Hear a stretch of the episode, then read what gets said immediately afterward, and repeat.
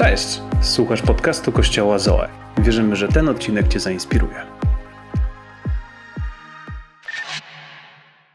Wiecie, jaki jest kalendarz? Wiecie, jaki jest, jaka jest dzisiaj data? Który dzisiaj jest? Wiecie wszyscy? 26. Czyli tak naprawdę w przyszłą niedzielę to już będziemy mieć grudzień, tak? Czyli został nam się jeden miesiąc i świętujemy 2024 rok, kto jest ze mną. Za jeden miesiąc to wszystko, co wydarzyło się w tym roku, będzie dla nas wspomnieniem. Wow. Wszyscy mamy 24 godziny, 1440 minut i 84 400 sekund każdego dnia. Czyli wy już wiecie, że ja dzisiaj będę mówiła o czasie. Dzisiaj chciałabym mówić o czasie, ponieważ czas jest tym, czego nie możemy zatrzymać. Czasu nie możemy również cofnąć, ale my możemy ten czas w jakiś sposób spędzić. Amen? I my możemy w jakiś sposób ten czas zainwestować. I wiecie, myślę sobie o tym, że czasami ten czas tak szybko nam przelatuje przez palce do momentu, aż nie wydarzy się coś ważnego. Na przykład ja w tym tygodniu, powiem wam, ja nie wiedziałam, kiedy jest 23, kiedy jest 24, kiedy jest 22. Nie wiedziałam, jaki dzień, który jest, bo jak się ma czwórkę dzieci, to człowiek się po prostu gubi już w tym, jaki jest dzień. Ale wczoraj był 25 listopada i to był ślub Mikołaja i Ani. I to było przecudowne, piękne wydarzenie, w którym my mogliśmy uczestniczyć. I wiecie, kiedy był ten ślub, ja tak patrzyłam na nich, myślałam sobie, ta data zostanie z nimi do końca ich życia. Oni będą o tym myśleć, oni będą to celebrować każdego roku, będą o tym wspominać. I ja wczoraj tak się na chwilę zatrzymałam, pomyślałam sobie, wow, dzisiaj na to uwagę zwracam, że jest 25, ale przez cały tydzień nie wiem, jak mi zleciały te dni. Dlatego, że czas nam płynie przez palce. Cały czas. I wiecie, miałam taką sytuację z moim synem Kalebem, kiedy, kiedy lekarz powiedział do mnie dwa tygodnie przed moim porodem, przed cesarskim cięciem, że niestety, ale nie wykona cesarskiego cięcia, bo nie podjął pracy w szpitalu. I kiedy mi on o tym powiedział, to ja byłam wtedy przerażona. Pomyślałam sobie, jak to jest możliwe, co ja teraz zrobię. I on powiedział do mnie, to co mogę ci zaoferować, to to, że moja koleżanka wykona ci tą operację 22 maja. Ale w międzyczasie moja rodzina zorganizowała innego lekarza, ordynatora innego szpitala i ten lekarz zadzwonił do mnie i powiedział, ja mogę wykonać ten zabieg 23 maja. Ja sobie myślę, co jest grane? Czy ja mam wybierać datę, kiedy moje dziecko ma się urodzić? Ja mam to robić? To jest takie dla mnie zbyt skomplikowane. I wiecie, 22 maja mogłam urodzić w Warszawie i wolałam to zrobić tutaj, na miejscu, blisko, ale nie znałam tego lekarza. Ale 23 maja mogłam zrobić to u lekarza, którego znałam i wiedziałam, że na pewno się mną zajmą. Weźcie pod uwagę, że to była czwarta cesarka. Więc kiedy przychodzi ten moment, że mi się zostaje do tego porodu tydzień, ja cały czas nie wiem, co mam zrobić, ale wiem jedną rzecz – Bóg wie, kiedy on ma się urodzić. Bóg to wie, ponieważ dla niego czas i to, co dzieje się w pewnym czasie, ma kluczowe znaczenie. Więc zaczęłam się modlić i mówię: Boże, ja potrzebuję znać tą datę, ja nie wiem kiedy, pomóż mi, co mam zrobić. I nagle dzwonię do mojej teściowej. I chciałam jej powiedzieć, co zaoferował mi lekarz. Zaoferował mi 22 maja. Ona wiedziała tylko 23. I dzwonię do mojej teściowej, a ona do mnie mówi tak: Słuchaj, Ktoś do mnie przyszedł i powiedział mi taki sen. To nie będzie 22, ale to będzie 23. I kiedy ja usłyszałam to, co ona mówi, ja wiedziałam, że ten chłopczyk urodzi się 23 2023 roku. Ponieważ dla Boga to ma znaczenie, kiedy pewne rzeczy się dzieją. I wiecie, my możemy mówić o czasie bardzo dużo. Możemy mówić o czasie w wielu różnych kontekstach. Ale ja bym nas chciała dzisiaj zachęcić kilkoma rzeczami i pokazać nam to, że są pewne rzeczy, które nas okradają z tego czasu. Ale zanim pójdziemy dalej, chciałabym, żebyśmy zobaczyli kilka fragmentów w Bożym Słowie. W Księdze Kaznodziei Salomona czytamy tak. Wszystko ma swój czas. Na każdą sprawę pod niebem przychodzi kiedyś pora.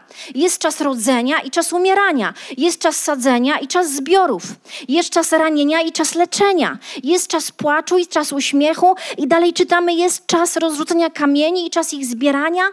I w kolejnym fragmencie Efezjan 5:16 czytamy takie mocne słowa. Zobaczcie. Baczcie więc pilnie, jak macie postępować, nie jako niemądrzy, lecz jako mądrzy, wykorzystując czas, gdyż dni są złe. Co potrzebujemy robić? Potrzebujemy być uważni, spostrzegawczy. Potrzebujemy czuwać, żeby wykorzystywać odpowiednio czas, gdyż dni są złe. I Psalm 90, tam czytamy takie słowa: naucz nas, naucz nas dobrze liczyć nasze dni, aby nasze serca mogły zyskać mądrość.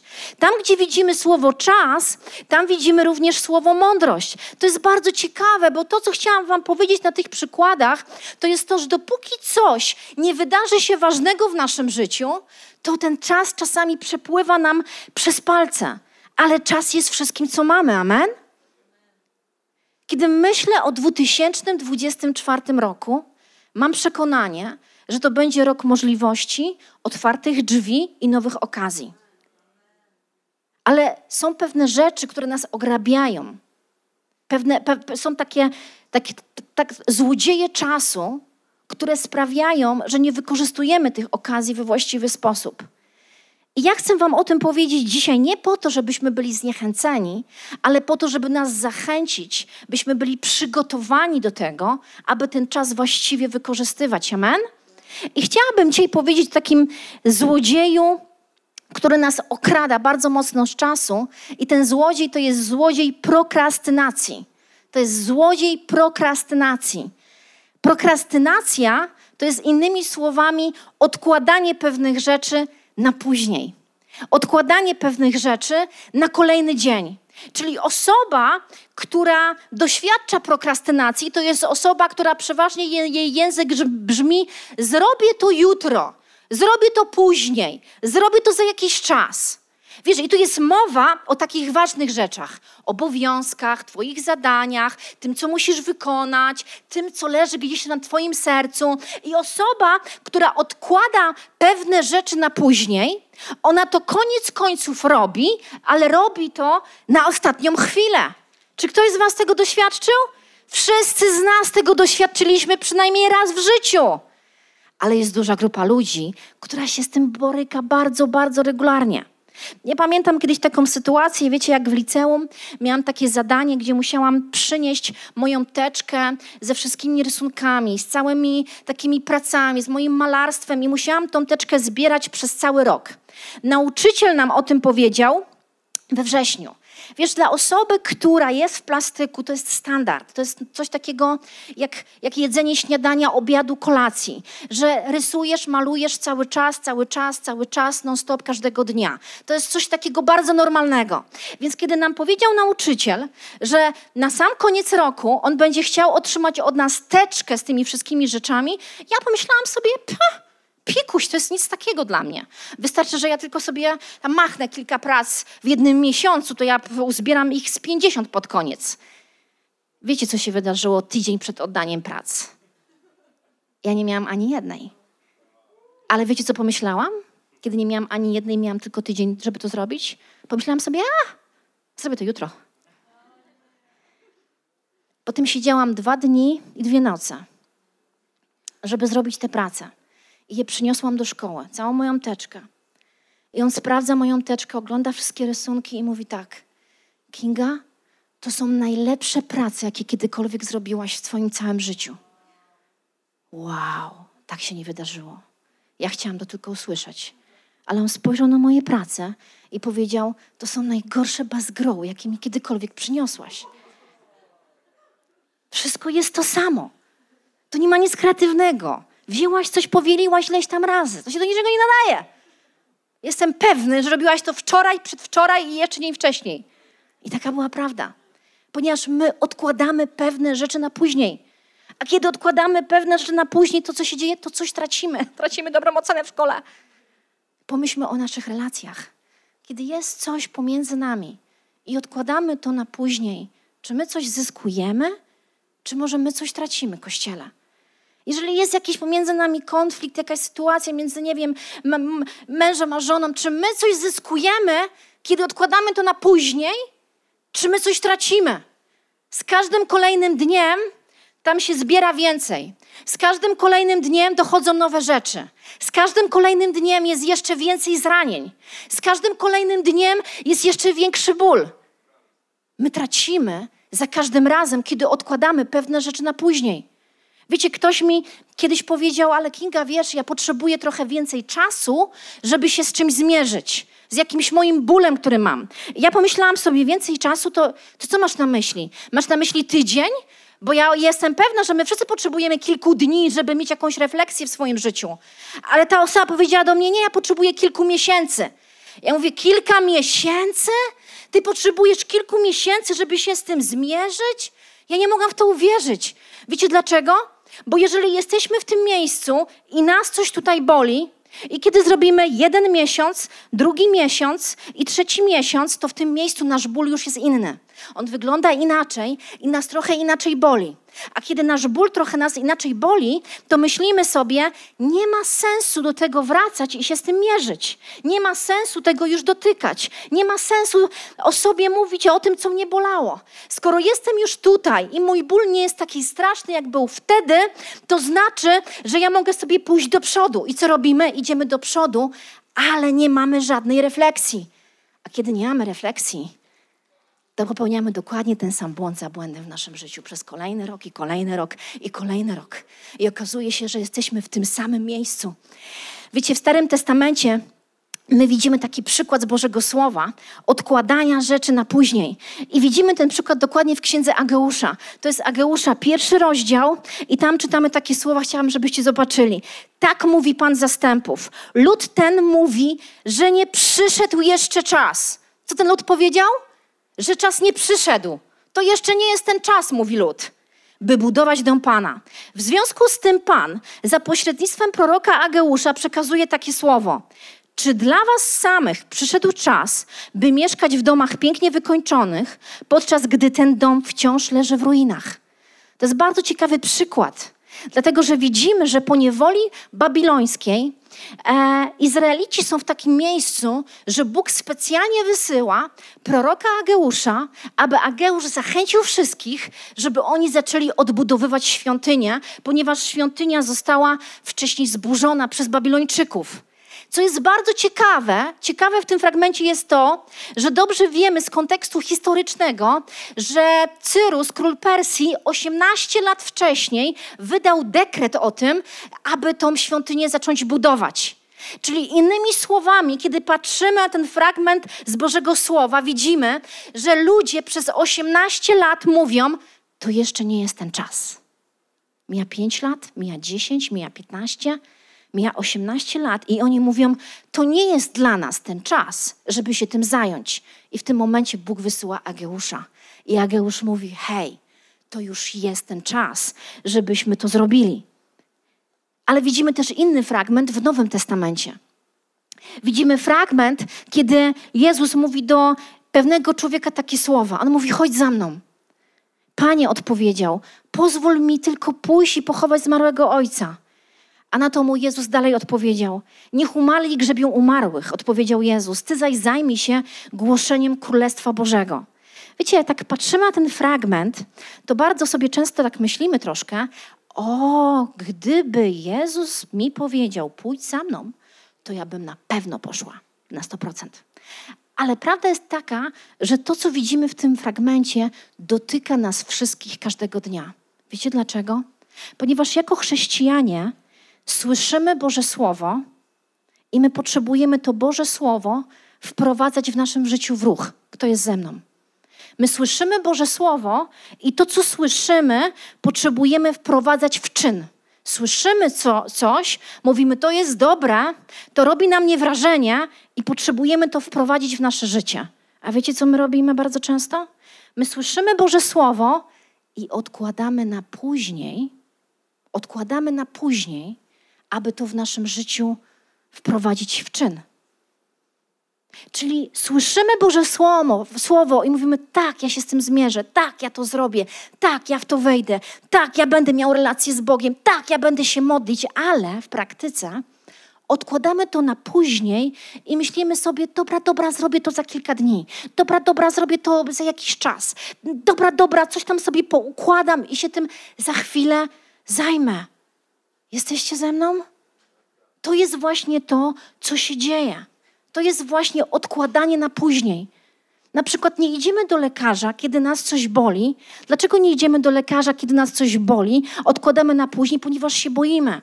Dlatego prokrastynacja, czyli odkładanie na później, ma swoje korzenie. Ma swoich wiele różnych korzeni, ale ja bym chciała tylko wymienić cztery korzenie prokrastynacji. Pierwszym korzeniem prokrastynacji jest strach.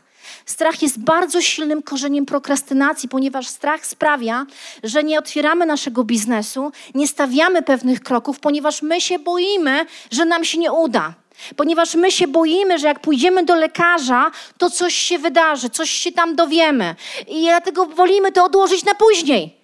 Z powodu strachu nie robimy w naszym życiu bardzo wielu rzeczy. Ale to nie jest tylko strach, ponieważ to jest również perfekcjonizm. Czyli cały czas myślimy o tym, że potrzebujemy więcej czasu, żeby być w czymś lepszym. Nie jesteśmy zadowoleni z tego, co robimy. To nie jest takie dla nas super fajne, chcemy to ulepszyć i myślimy, odłożę to na później, bo jak zrobię to później, to będę miał ten czas, żeby się bardziej przygotować do tego. Kolejnym takim korzeniem jest niezdecydowanie. Nie wiesz nic po prostu, ciągle czegoś nie wiesz. Ciągle nie możesz podjąć decyzji kupić tą pralkę czy tą, zamieszkać w tym mieście czy w tym. Nie wiesz, czego chcesz. Cały czas się mieszasz. I to, to jest właśnie korzeń tego, że odkładasz na później. Ponieważ ja nie wiem, ja nie wiem, to odkładam to na później.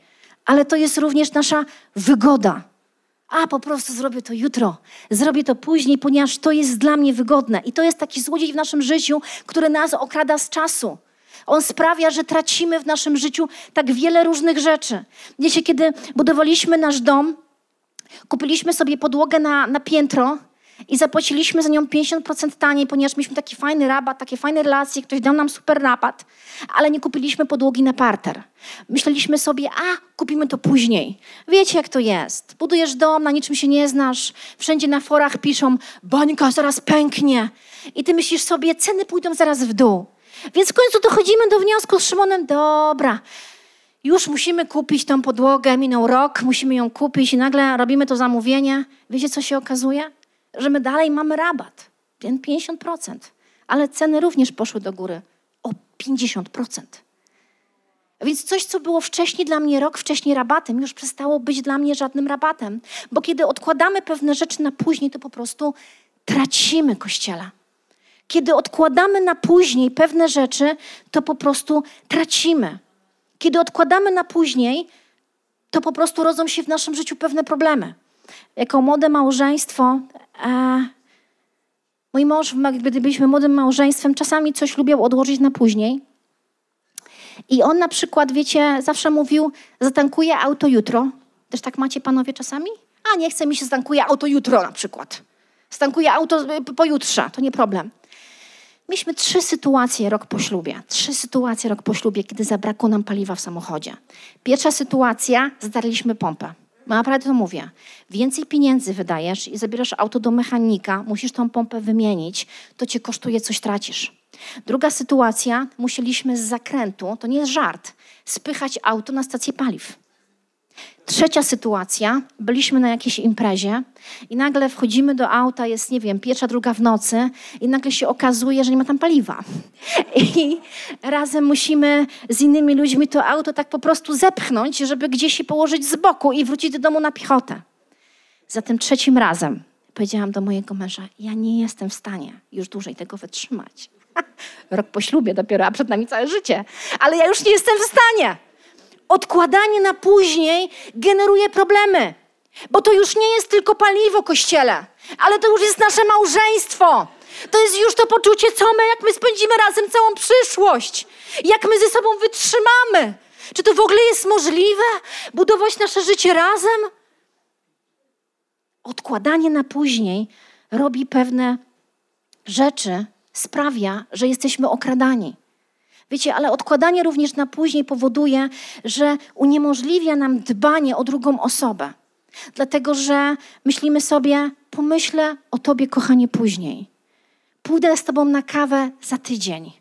I nie kochamy ludzi tak, jak moglibyśmy ich kochać, a czas leci nam przez palce, Moglibyśmy okazywać sobie nawzajem miłość, ponieważ miłość musi być wyrażona, ale my tej miłości nie wyrażamy względem siebie, ponieważ myślimy sobie, że wyrazimy ją za chwilę że wyrazimy ją jutro, ale koniec końców w ogóle jej nie wyrażamy. Więc tak naprawdę prokrastynacja sprawia, że my tracimy, ale prokrastynacja również sprawia, że nie kochamy się tak, jak moglibyśmy się kochać, i również odkładanie na później sprawia, że jesteśmy zranieni. Odkładanie na później rani innych ludzi. Miałam taką kiedyś sytuację, bardzo dla mnie ciekawą. Podeszła do mnie osoba, podeszły do mnie osoby, i powiedziały mi i mojemu mężowi Szymonowi, że chcą odejść z kościoła. Wiecie, to jest zjawisko globalne. To nie jest u nas tylko w kościele. To się dzieje wszędzie, na całym świecie, w wielu kościołach. Ludzie odchodzą z kościołów z wielu różnych powodów. I ja zawsze chcę wiedzieć, jaki jest to powód. Ponieważ jeżeli my wiemy, jaki jest to powód, to my możemy wyciągnąć jakąś lekcję. Amen? Jeżeli my wiemy, jaki to jest powód, to my możemy coś zrobić lepiej. Amen, kościele? Ale wiecie, bardzo rzadko się zdarza, że ktoś przyjdzie i ci o tym powie. Ja to rozpatruję w takich kategoriach kultury osobistej, bo jeżeli kościół ten jest Twoim domem i Ty przyjdziesz i tym powiesz, to myślę sobie, wow, to jest naprawdę niesamowite, że masz w sobie tyle kultury, by o tym powiedzieć. Ponieważ jest tak wiele ludzi, którzy znikają bez słowa. Jest tak wielu ludzi, którzy powracają również bez słowa. I jest taka bardzo mała garstka osób, która przyjdzie i chce Ci o tym powiedzieć. I ja sobie to bardzo cenię. Więc spotkaliśmy się razem na kolacji i mamy bardzo dobry czas ze sobą. Więc pytamy się, po, powiedzcie nam trochę więcej. Dlaczego chcecie odejść z kościoła?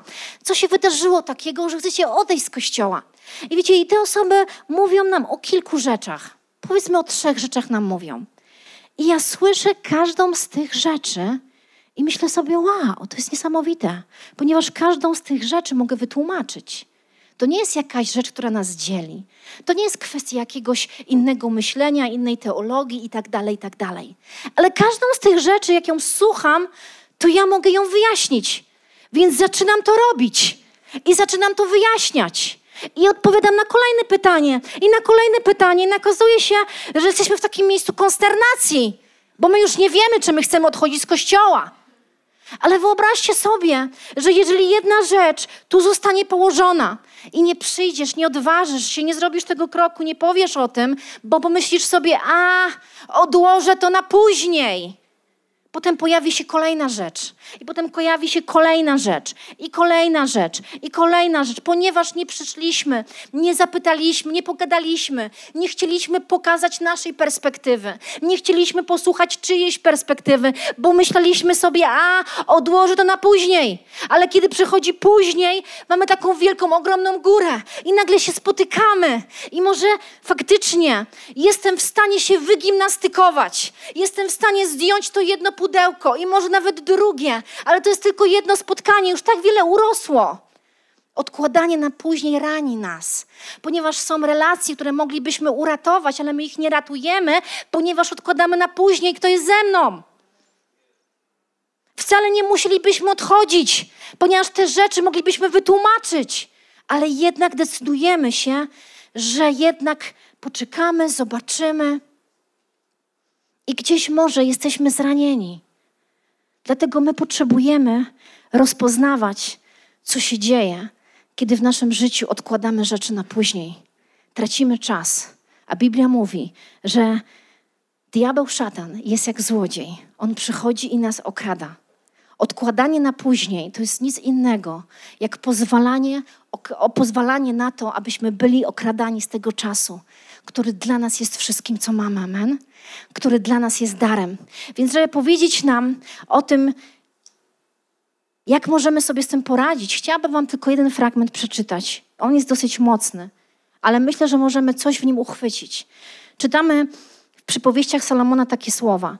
Przechodziłem obok pola należącego do lenia i obok winicy człowieka bez rozumu. Zauważyłem, że wszystko porosło tam chwastem. Powierzchnie pokryły pokrzywy, a ogrodzenie z kamieni było rozwalone. Gdy tak na to spojrzałem, dotknęło to mojego serca. Z tego, co zobaczyłem, wyciągnąłem naukę. Trochę pospać, trochę podrzemać, trochę założyć ręce i odpocząć, a ubóstwo nadciągnie jak włóczęga i niedostatek jak uzbrojony złodziej. Ten fragment nam pokazuje, że my potrzebujemy, Kościele, wyrwać te chwasty naszego myślenia w naszej głowie. My potrzebujemy zmierzyć się z tym strachem. My potrzebujemy zmierzyć się z tym perfekcjonizmem. My potrzebujemy zmierzyć się z tą niewygodą, żeby zrobić krok i komuś coś powiedzieć w kierunku temu, aby coś wyjaśnić. My potrzebujemy przyjść, wyrwać te chwasty, ale dalej czytamy o tym, że tu był jakiś płot, jakieś ogrodzenie, które jest rozwalone. To znaczy, że to ogrodzenie musimy też czymś załatać. Musimy wziąć materiał i coś tam włożyć, coś tam posklejać. Musimy włożyć, kiedy wyrwiemy te chwasty z naszego umysłu, musimy włożyć tam Boże Słowo. Amen. Musimy włożyć tam to, co mówi Boże Słowo na nasz temat. Potrzebujemy się tym wypełniać każdego dnia. Wyrywać chwasty naszego myślenia, negatywizmu, narzekania, tego, że jest niedobrze, tego, że jest źle, tego, że mi nie starcza, tego, że mi brakuje i wkładać w to miejsce Boże Słowo. Aby nas ubóstwo w relacjach nie spotkało. Aby nas ubóstwo w finansach nie spotkało. Aby nas ubóstwo naszych darów nie dotknęło My potrzebujemy być tymi, którzy rozpoznają, że to jest złodziej, który nas okrada, kiedy za każdym razem odkładamy pewne rzeczy na później. Ja się może jutro pomodlę. Wiecie, że osoba, która bardzo często zmaga się z odkładaniem na później, doświadcza przytłoczenia, doświadcza stresu i doświadcza poczucia winy? Może byś chciał być w miejscu, aby się modlić każdego dnia, ale tego nie robisz i w dalszej kolejności czujesz się beznadziejnie, masz poczucie winy. Dlatego my potrzebujemy stawiać takie małe kroki w kierunku tego, aby wygrywać. Amen? Każdego dnia małe kroki, aby spędzać czas z Bogiem każdego dnia, ponieważ czas jest dla nas wszystkim kościele. I wiecie, jest też taki drugi złodziej, o którym chciałabym wspomnieć. Ten złodziej nazywa się złodziej zajętości. Odkładanie na później rzeczy ważnych i kluczowych jest niebezpieczne. Ale kiedy jesteśmy w miejscu, że robimy całą masę rzeczy w ciągu dnia, w ciągu tygodnia naszego życia, bez zastanowienia się, bez jakiejkolwiek refleksji, bez pomyślenia, czy Bóg tego ode mnie oczekuje, bez takiego podejścia, czy to naprawdę jest dla mnie ważne i kluczowe, my możemy nazwać to zajętością w naszym życiu. I ja zauważyłam, że my jesteśmy bardzo dumni z tego, że jesteśmy zajęci. Zauważyliście to? Na własnym przykładzie. Mam czwórkę dzieci, Prowadzimy kościół, mamy również biznes, inwestujemy w życie innych ludzi, czyli spotykamy się, mamy bardzo dużo, bardzo dużo spotkań i bardzo często jesteśmy tacy dumni. Ale jestem zajęty, a mam tyle na głowie, tyle dzieci, tyle tego, tyle tego. Jesteśmy tacy zajęci. Inni patrzą z boku o, oni są zajęci, tak, oni są zajęci. My jesteśmy dumni, że jesteśmy zajęci. Ja przychodzę do moich dzieci mówię do nich, hej, nie spędzę z wami czasu. Wiecie czemu? Bo jestem zajęta, bo mam kościół, bo mam pracę, bo mam to. Spędzę z wami czas za tydzień, a może dwa albo trzy. Potem idę do kościoła i mówię, wiesz, po prostu nie mam czasu, żeby z tobą spędzić czas kościele, bo ja mam dzieci chore w domu i ja jestem tak bardzo zajęta moim życiem, a jeszcze oprócz tego mam pracę. Potem idę do mojego biznesu i mówię w biznesie, absolutnie nie mam dla ciebie czasu. Rób ta, co chce ta, ponieważ ja mam kościół, ja mam dzieci ja mam inne rzeczy. I wchodzimy w takie miejsce wymówek w naszym życiu. Mamy wymówkę za wymówką i stajemy się pokoleniem gołosłownym. Pokolenie gołosłowne to jest takie pokolenie ludzi, które umawia się na wizytę do lekarza, ale godzinę wcześniej na nią nie idzie, ponieważ jest zbyt zajęte. Albo umawiasz się na przykład do fryzjera i dzwonisz za 5.12, mówisz, ja nie przyjdę, bo jestem tak zajęty i się nie wyrobiłam na przykład, bo się nie wyrobiłam. To jest pokolenie gołosłowne. Pokolenie, dla którego słowo nie ma takiego znaczenia, ponieważ żyjemy w erze jestem zajęty. I widzisz, ja nie chcę dzisiaj powiedzieć o tym, że może nie jesteś w takim miejscu, że faktycznie masz wiele na głowie, ponieważ robisz studia, masz egzaminy, w tym samym czasie masz rodzinę i pracujesz. Ja nie o tym mówię. To, co chcę nam dzisiaj powiedzieć, to to, że ja mogę być zajęta tym, że mam czwórkę dzieci. Ale pytanie jest, czy ja wykorzystuję czas z tą czwórką dzieci. Ja mogę być zajęta kościołem, ale pytanie jest, czy ja wykorzystuję czas, aby być w kościele, aby cieszyć się tym miejscem. Amen? Ponieważ my możemy wpaść w pułapkę zajętości, pułapkę wymówek. Wiecie, z czego nas okrada zajętość? Zajętość nas okrada z efektywności. Kiedy jesteśmy zajęci, jesteśmy nieefektywni, a powinniśmy poświęcać swój czas rzeczom, które nosimy w sercu.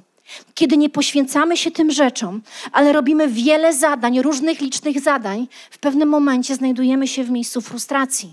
Kiedy znajdujemy się w miejscu frustracji, nagle zaczynamy mieć wymówki. A, no bo u mnie to tak, a, bo ja nie mam czasu. Nie. Wszyscy mamy ten sam jeden czas, ale jedni z nas są bardziej produktywni niż inni, ponieważ potrzebujesz zauważyć, że być może jesteś zajęty rzeczami, które musisz odłożyć na później. I widzisz, w Bożym Słowie jest taki fragment, go wszyscy znamy. To jest moment, on nam tu się nie wyświetli, to jest moment, jak Jezus nagle trafia do pewnego miejsca i tam spotyka dwie siostry, Martę i Marię. Ten fragment dobrze kojarzymy, tak? Martę i Marię, dwie siostry, zobaczcie. Przyjęła go tam pewna kobieta, której było na imię Marta. Miała ona siostrę Marię. Maria usiadła u stóp Pana i słuchała Jego słowa. Martę tymczasem pochłaniało liczne zajęcia. Co pochłaniało Martę? Liczne zajęcia pochłaniały Martę. Ale zobaczmy, co się dzieje u Marii. Marta w pewnym momencie podeszła i powiedziała: Panie, czy nie obchodzi cię to, że moja siostra zostawia mnie przy pracy samą? Czyli Marta jest w miejscu już frustracji. Jest totalnie niezadowolona i jest zupełnie nieszczęśliwa. A Jezus mówi tak do niej: Pan zaś odpowiedział jej: Marto, Marto, martwisz się niepokoisz o wiele rzeczy, a potrzeba jednego. Maria wybrała sobie dobrą część, część, która jej nie będzie zabrana. Co zrobiła Maria? Maria wybrała sobie dobrą część. I to powinna być dla nas inspiracja, jak walczyć z zajętością. My potrzebujemy usiąść każdego tygodnia, być może rano, być może nie wiem kiedy, wieczorem, napić się dobrej kawy i herbaty i pomyśleć sobie o tym, co my chcemy wybrać. Co my chcemy wybrać na przyszły tydzień. Boże, może ja chcę być bliżej Ciebie? Może ja chcę być w tym miejscu, aby słyszeć Twój głos? Kiedy jesteśmy w miejscu, gdzie odkładamy pewne rzeczy na później i na później, to prowadzi nas do tego, że po prostu tracimy. Nie jesteśmy w miejscu Bożej obecności, nie jesteśmy w miejscu takim, gdzie możemy używać naszych darów, bo brakuje nam pewności tego, czy słyszymy Boży głos.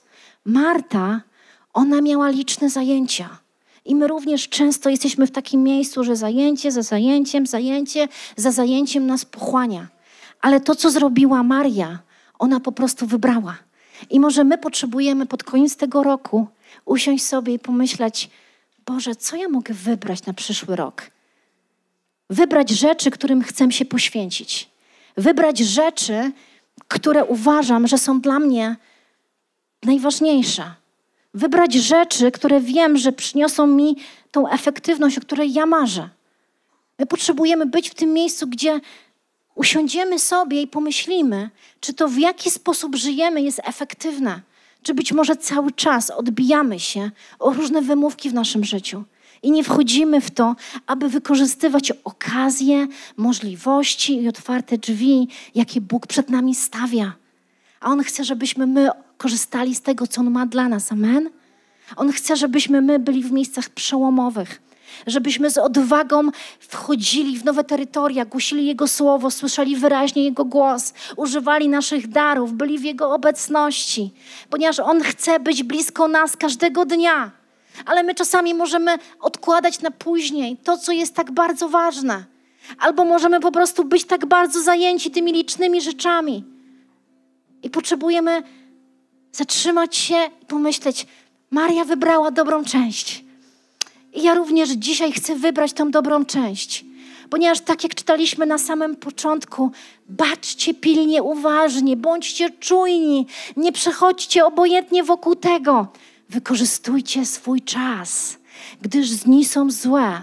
Potrzebujecie zachowywać się tak, jakbyście byli mądrzy, a nie jakbyście byli niemądrzy. My potrzebujemy, Kościele, zatrzymać się i pomyśleć o tym, Boże, ja chcę być bliżej Ciebie. I ja nie chcę tego odkładać na kolejny dzień, na kolejną, na kolejną niedzielę. Ja nie chcę być tylko pod wrażeniem Twojego słowa, pod wrażeniem tego, co głosimy w niedzielę, pod wrażeniem tego, co słyszymy na grupach, pod wrażeniem tego, co czytam w Bożym Słowie, ale ja chcę być tą osobą, która wykorzystuje to, wprowadza to w moje życie każdego dnia, abym mógł, mogła powiedzieć, że ja podążam za Tobą każdego dnia. Amen, Kościele? Dzięki, że byłeś z nami. Więcej informacji o naszym kościele znajdziesz na naszych mediach społecznościowych. Wierzymy, że najlepsze jest jeszcze przed nami.